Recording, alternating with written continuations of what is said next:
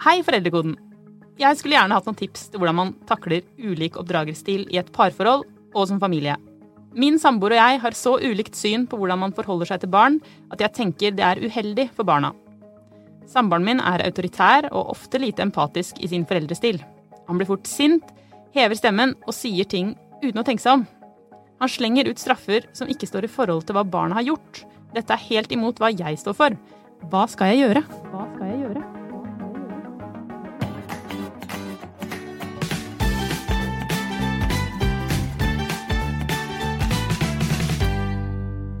Hei og hjertelig velkommen til en ny episode av Foreldrekoden. Du hørte nettopp et utdrag fra en mail vi har fått fra en lytter, lest opp av min kollega Mari. Når den ene parten er streng, og den andre er mildere i oppdragerstilen, hva gjør man da? Og Hedvig Montgomery som sitter her, som vanlig, dette er en kjent uh, konflikt for deg, er det ikke det? Jo da, og hvis de fleste tenker tilbake på sin egen oppvekst, så vil de jo også huske den ene forelderen som eh, strengere enn den andre. Så eh, både er det sånn i forhold til egne barn, og også er det sånn i forhold fra egen oppvekst for de aller fleste av oss. Hvorfor blir dette her et, tema som gnager mye i en del forhold? Jeg tror det er to ting. Det ene er at det er så personlig. Eh, fordi det handler om personlige grenser. Hva skal jeg tåle, og hva skal jeg ikke tåle? Det andre er at foreldre har fått høre at det er så viktig at de står sammen. Eh, som egentlig er et veldig, veldig voldsomt krav når man har to forskjellige mennesker. Og som gjør at det blir en kamp om hvem som har rett og hvem som har feil. Mm. Vi skal snakke om dette her i dag også. Hvem, eh, hva er riktigst? Å være ettergivende eller å være streng? Eller midt imellom? Vi er straks tilbake. Hedvig Montgomery, det finnes grovt sett tre ulike foreldretyper, har jeg forstått. Er det riktig? Ja, altså Når man forsker på eh, oppdragerstil, som det kalles, eh, og hvilke utkommer det får, så pleier man å dele foreldrene i tre. Eh, den første gruppen er det som kalles for autoritær foreldrestil. Og det er foreldre som er strenge, setter mye makt bak eh, sin strenghet. Sånn skal det være. Og som ikke har rom for diskusjon eller slinger i valsen, for å si det litt enklere. Eh, så har vi den andre gruppen som er autoritativ i sin oppdragelsesstil. Og det betyr at de setter tydelige grenser, men eh, tar med hvordan barna oppfatter det, prøver å forklare det på en sånn måte at barna skjønner grensene. Uh, og er mer, kanskje hvis jeg skulle sette en annen overskrift på det, litt den gode sjefen. Uh, som er tydelig på hva som skal gjøres, men som gir litt rom for den ansatte til å finne sin vei i det. Så har vi den siste foreldrestilen, som er ettergivende. Og det er de som ikke klarer å sette en grense uten å bli i tvil. Uh, som ikke klarer å si at ja, vet du hva, nå må vi gå, eller må vi det? Uh, og som trekker seg så fort uh, han eller hun møter noe motstand hos barna, og hvor barnet i realiteten blir den som bestemmer i familien. og for å gjøre det ytterligere komplisert, så, så, har vi en fjerde liten gruppe, og det er faktisk de som vakler litt mellom disse typene. Som kan være veldig streng ene dagen, for så å ikke orke å sette en eneste grense dagen etter der igjen. Eh, så man kan mikse dette på mange måter. Eh, kanskje ikke så overraskende at det forskningen sier, er at det å være en voksen som viser vei, viser forventninger, viser hvordan verden fungerer, men på en hensynsfull måte for barnet, er det som fungerer best. Jeg kjenner meg veldig godt igjen den derre streng en dag, og så får jeg dårlig samvittighet. Og så blir jeg supermild eh, neste dag. Men hvilke av disse typene Det hørtes ut som den autoritære Nei, var det autoritære? Ja, ikke sant? Og hva i alle dager gjør at disse har så like navn? Det er autoritær, som er den altfor strenge, og autoritativ, autoritativ som er den passe strenge. Ja, Er det den som er den perfekte middelvei her, eller? Ja, altså det, det, forskningen sier, er at det er den som gjør at barn utvikler mest trygghet på seg selv, eh, og utvikler selvstendighet. Nettopp. Men hva skjer når den ene forelderen har den kanskje den autoritære, da, og den andre har den ettergivende eller auto... Ja det, altså, kan, ja, det kan du lure på. Men det som er litt interessant, det er at når jeg snakker sånn om det, så høres det jo lett ut. Men når du står i situasjonen, så er det ikke så lett å si er du for streng nå? Er du så streng at du er over på det autoritære? Eller er du bare tydelig? Dette vil vi faktisk være ganske uenige om. Uh, og en av de tingene som mange oppdager når de får barn, det er at de føler at de har blitt godt kjent med kjæresten sin. Vi har delt mye. Uh, vi har vært mye på reiser sammen. Vi har eh, spist mange middager sammen, eh, og vi har jo vært nakne sammen. Så vi har jo blitt kjent med hverandre på godt og på vondt, kjennes det ut som. Men det du ikke har sett kjæresten din som, er nettopp forelder. Eh, og det du vil se når du ser kjæresten din som forelder, er faktisk ganske mye nytt. Mm. Eh, fordi da vil du se de sporene som sitter igjen fra hennes egen oppvekst. Eh, du vil se hvordan hun reagerer når barnet eh, tar for mye kake. Du vil se hvordan hun reagerer når barnet fryser. Du vil se hvordan hun reagerer. Blir hun tålmodig? Eh, reagerer hun med tålmodighet eller med utålmodighet? Når barnet sleper litt med beina. Du vil bli kjent med nye sider av kjæresten din. Så det er jo en av grunnene til at det å få barn sammen er virkelig en mulighet til å vokse sammen som par. Men du vil jo også oppdage noen ting som du både kanskje blir overrasket over og misliker. Eh, så det er mye å ta inn over seg når du sitter der med en ny baby. Og så ser jeg at i alle, nesten alle par, så fordeler man på et eller annet ubevisst vis roller. Den ene blir den strenge og vil kritisere den som blir snill. Den som blir snill, vil trøste og føle at den som er streng, blir altfor streng. Og så driver man hverandre i hver sin retning. Eh, en slags polariseringseffekt, hvis du skjønner. Eh, og jeg tenker nok kanskje at det er det vi ser hos eh, vår lytter som skrev inn. Jo strengere han blir, jo mer føler hun at hun trenger å være den som er snill. Kompensere, liksom. Ja. Og så jo mer hun prøver å være på den ettergivende siden for å kompensere for at han er så mye, jo strengere blir han, for da må det jo være noen i denne familien som sier at nok er nok. Eh, så jeg ser at ganske mange familier, spesielt i barnehageårene, så kan foreldrene skli i hver sin retning. Og forsterke hverandre til å bli en type foreldre kanskje ingen av dem har lyst til å være. Men hva er da triksene for å dra hverandre mer mot midten, eh, på en måte, da, eh, framfor å polarisere? Mm. For det er akkurat dette jeg ser etter når jeg sitter med de som har havnet i denne polariseringen. Okay. Det er at de må begynne å snakke sammen om eh, rett og slett hvordan vil vi være som foreldre. Eh, og også fortell, vise kortene litt. Hvordan var det da du var barn? Eh, hvordan kjentes det ut eh, da du ikke ville på skolen? Hva gjorde mamma da? Hva gjorde pappa da? Eh, bruke denne anledningen til å forstå kjæresten sin litt bedre. For hvis du skjønner disse små mønstrene som ligger fra hans eller hennes egen barndom, så blir du også bedre kjent med kjæresten din. Og det er også lettere å se på måten hun reagerer på med kjærlighet. Akkurat. Sånn er det. Det er sånn hun kjenner det. Når du sier mønster fra barndommen, snakker du da om måten en selv ble oppdratt på? Eh, at man eh, på en måte repeterer det? Eller snakker du om liksom små traumer, holdt jeg på å si? Eller, altså, ja. altså, vi hadde jo ikke sittet her og laget foreldrekoden hvis det ikke var slik at oppdragelse betyr noen ting. Eh, og det gjør det virkelig. Eh, fordi hvordan du blir trøstet, hvordan du blir holdt, hvordan du blir eh, hjulpet når ting er vanskelig, hvordan du får veiledning når du står fast, det er ting du tar med deg og bruker både mot deg selv og mot andre senere i livet. Og det blir veldig tydelig når du får barn. Så vi har med oss rett og slett den der repetisjonen av, av hvordan vi selv har blitt møtt. Er noe av det vi gjenskaper langt på vei når vi får barn. Vi kan endre ganske mye eh, ved å både ha, få barn med riktig partner, eh, som hjelper oss til å gjøre ting kanskje litt bedre. Eh, vi kan endre mye ved å tenke igjennom hvordan vi ønsker å være, og lære oss mer om det vi skal gjøre. Eh, lytte til foreldrekoden. Eh, så vi kan endre denne stilen. Men den, det som er interessant med den, er at den er så kjapp. Fordi den kjennes riktig ut for oss fordi den går fort, fordi det er det vi faktisk er vant til. Så noe av det jeg gjør med foreldrepar som har gått inn i denne polariseringen, det er å trekke ned tempoet. Vi har tid til å snakke om dette. Vi trenger ikke å forsvare posisjoner, men vi kan snakke om det.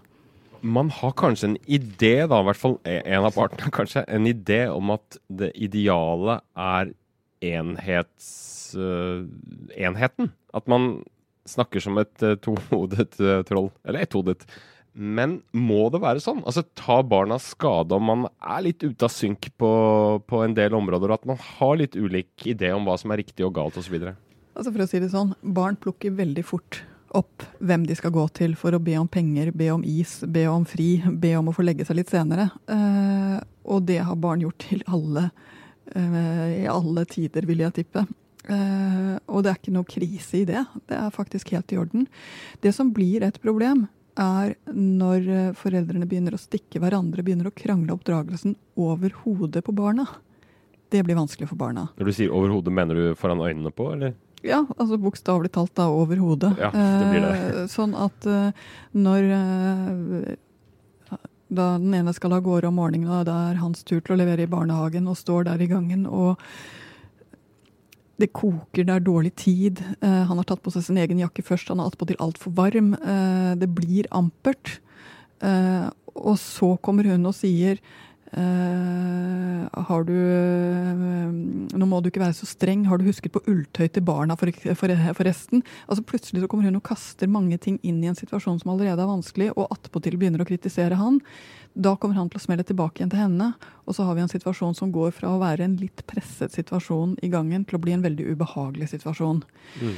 Uh, sånn at det å virkelig prøve å hjelpe hverandre, og ikke komme med de stikkene i pressende situasjoner, er kanskje det fineste du kan gjøre, både for å holde på kjæresten din, og for at barna skal oppfatte dere som ålreite foreldre sammen. Men hva gjør man hvis den ene parten er, eh, hva skal man si, har en uh, holdning som er mer i tråd med moderne barneoppdragelse, mens den andre er mer sånn old school i tankegangen? At det, at det må være greit å gjøre litt ting som kanskje ikke er, er greit lenger. Altså, uh, Hvordan skal man liksom navigere da?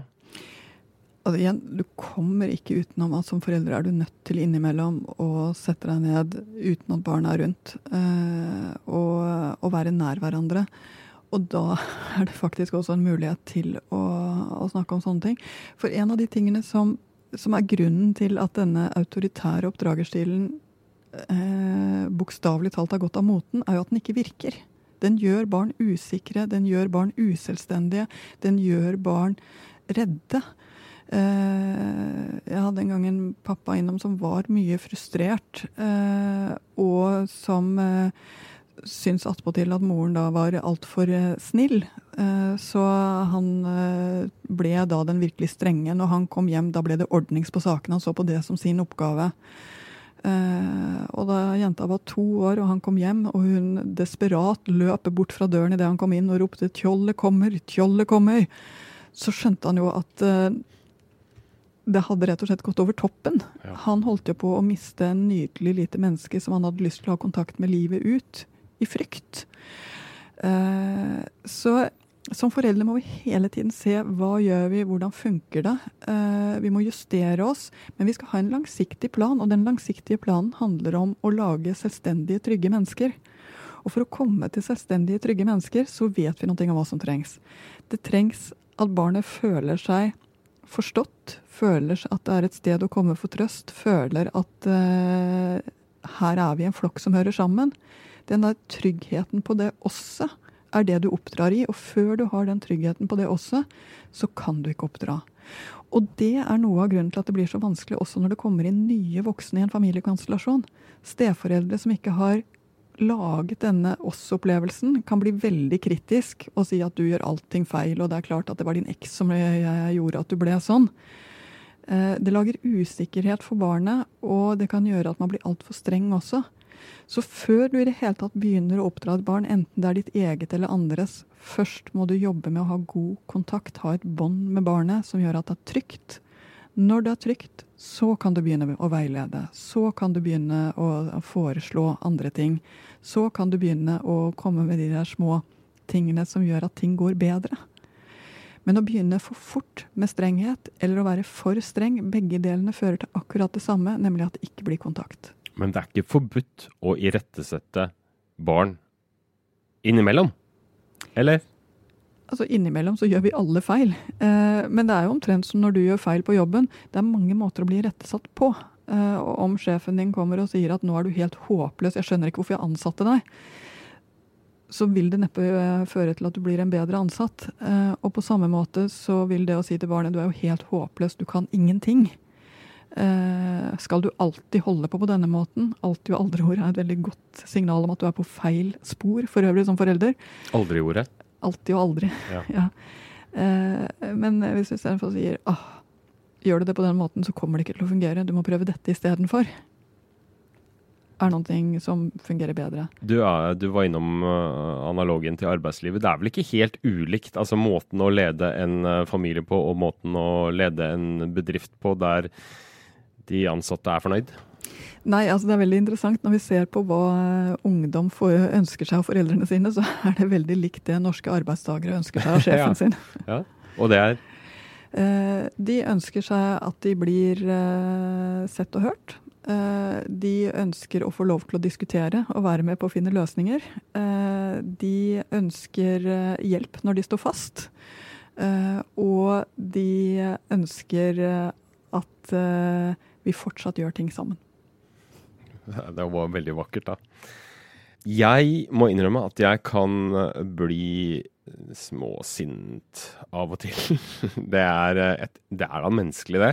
Men jeg vet jo at det ikke skal bli det. Og da uh, tenker jeg at etterpå så får jeg lyst til å skjære av meg armen eller tunga eller noe sånt noe, for jeg vet at det er feil. Men hva gjør man når man sliter med å kneble seg selv da, og sliter med å liksom holde, holde, det i seg? Altså når det Altså, det kan jo, temperament kan jo være en del av personlighet også. Hva, hva, hva gjør man da for å unngå at det blir uh, utrygt for barnet? Altså, for det første, innimellom så tror jeg vi alle revner. Innimellom så bobler vi aldri og alle over. Innimellom så kommer vi bare til det punktet at nå bare må du komme. Det er bare sånn eh, det er, og det er sånn det er å leve mennesker tett sammen. Du kan ikke leve i en familie og det er harmoni og lykke hele tiden. Uh, innimellom, nettopp fordi vi er så nær hverandre, så vil det smelle. Eh, så det er to ting. Det ene er at som voksen så er du så voldsomt stor for barnet, sånn at du kan ikke smelle så høyt. Eh, men at vi alle har gjort ting som vi etterpå tenker det var ikke meg på mitt vakreste eller akkurat sånn som jeg ønsker å være. Det har vi alle gjort. Og da er din voksenoppgave å reparere. Det vil si å bruke ordet unnskyld sånn som ordet unnskyld er ment å bli brukt. Si 'unnskyld for i stad'. Da kokte det helt over for meg. Si til barnet at det der ble som det ble, og at du er lei deg for det. Og så skal du prøve å ikke smelle så høyt neste gang du havner i den pressa situasjonen. Eller prøve å ha en hverdag som ikke lager så mange pressa situasjoner. Eller prøve å gjøre noe med det i ditt liv som gjør at du akkurat nå føler deg så presset. Eh, men reparasjon er en nøkkeloppgave for voksne som omgås barn. Fordi det er vi som må ta initiativ. Det er vi som må si 'beklager for det'. Jeg er lei meg for at det skjedde. Unnskyld. Eh, det er vi som skal lære barna å si unnskyld på en ekte måte ved at vi viser dem hvordan det ordet faktisk skal brukes. Og så er det fint å vite at det finnes et reparasjonsverktøy, da. Det finnes reparasjon. Da skal vi ha dagens spørsmål.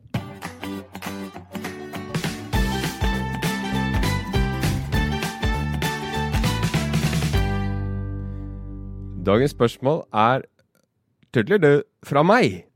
Det jeg lurer på i dag, er hvor mye må man som eh, far eh, ligge på alle fire og leke med barnehagebarna? Det kan være veldig hyggelig, og ofte er det det. Men av og til er det litt sånn kjedelig, jeg innrømme. Særlig når leken består i å kjøre en bil altså fram og tilbake på en seng. Eh, man ser ikke helt utviklings, utviklingspotensial i det. Altså, hvor mye må jeg leke med disse tingene? Altså Svaret på det er at hvis du er så heldig at du liker å leke, så er du en heldig forelder. For mange så kommer dette ikke på den måten. Det kjennes ikke kjempegøy ut å sitte og drikke te av dukkeserviser, og det kjennes ikke fantastisk ut å ligge og, kjøre brannbiler frem og tilbake over sengen, akkurat som du opplever. Men svaret er at lek er barnas måte å ta til seg det de trenger på. Så det at du er med litt på den leken hver eneste dag, er fint både for barnets utvikling og for kontakten dere to imellom. Men det betyr ikke at du må være med hele tiden. Du kan godt si uh, ja, jeg vil gjerne kjøre brannbil med deg etterpå. Uh, først skal jeg lese avisen. Det er helt i orden. Det er greit. Det er greit. Uh, og du får lov til å si når dere har gjort det de tolv minuttene eh, som din tålmodighet varer. Eh, si det var kjempefint å kjøre brannbil, men nå vil brannbilen eh, dra og hvile. Og så drar din brannbil og hviler. Men at du har vært svingt innom barnets lek, sett på hvordan han leker, eh, og delt det øyeblikket med ham litt hver dag, gjør at den kontakten mellom dere blir så mye bedre. Så det er gulltid.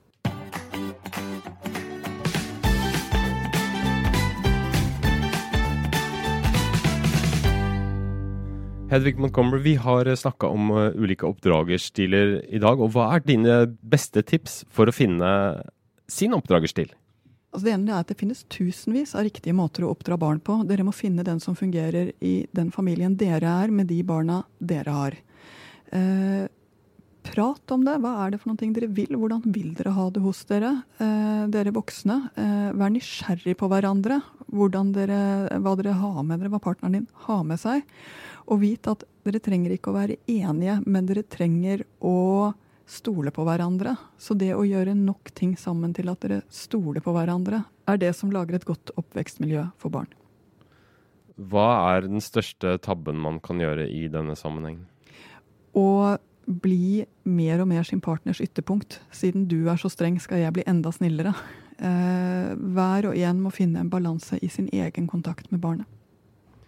Det var det vi hadde for i dag. Håper at du fikk utbytte av det.